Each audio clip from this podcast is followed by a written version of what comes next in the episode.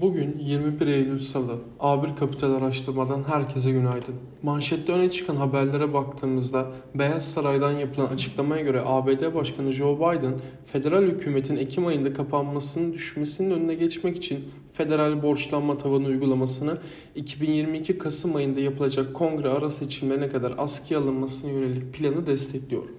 Morgan Stanley statistikleri belirli ekonomik göstergeler temelinde S&P 500'ün hızlı bir düzeltme hareketine doğru yönelmesini muhtemel olduğunu düşünüyorlar. Uluslararası Kredi Aracılandırma Kuruluşu S&P Global, Çin hükümetinin zor durumdaki gayrimenkul geliştirme şirketi Evergrande grubunu kurtarmak için herhangi bir doğrudan destek sağlamasını beklemediklerini bildirdi. İngiltere Başbakanı Johnson yarın Biden'dan sonra Yellen ile görüşme gerçekleştirecek. Toplantıda iki ülke arasındaki serbest ticaret anlaşmasının gündemde olması bekleniyor. ABD ile İngiltere, Çin ve piyasa ekonomisi olarak tanımlanamayacak diğer ülkelerin piyasaları bozucu uygulamalarını düzeltmesi için görüşmelerin devam ettirilmesi konusunda anlaştı. BIST endeksine teknik olarak bakacaksak yeni günde seansçı olası geri çekilmelerde 1385 seviyesi ara kanal alt bandı olan 1380 ise ana destek ve yükselen destek seviyelerini takip etmeye devam ediyoruz.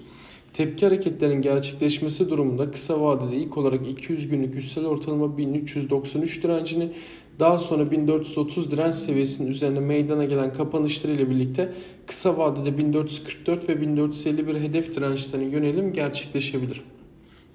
Veri gündemine baktığımızda yurt içinde Cumhurbaşkanı Recep Tayyip Erdoğan ABD ziyareti takip edilecek. Erdoğan ABD iş dünyası temsil, temsilcilerin katılımıyla gerçekleşeceği etkinliğe katılacak. Ardından Birleşmiş Milletler Genel Kurulu'na hitap edecek. Hazine iki tahvil ihalesinin yanı sıra bir de kira sertifikası ihracı gerçekleştirecek. Hazine 9 ay vadeli bonoyu yeniden satarken 7 yıl vadeli değişken faizli tahvili ilk kez satışa sunacak. Hazinenin doğrudan satışa çıkaracağı kira sertifikası 5 yıl vadeli olacak. Yurt dışına bakarsak, yurt dışında öne çıkan bir verinin olmadığı günde ABD'den gelecek konut başlangıçları ve cari denge verileri izlenecek.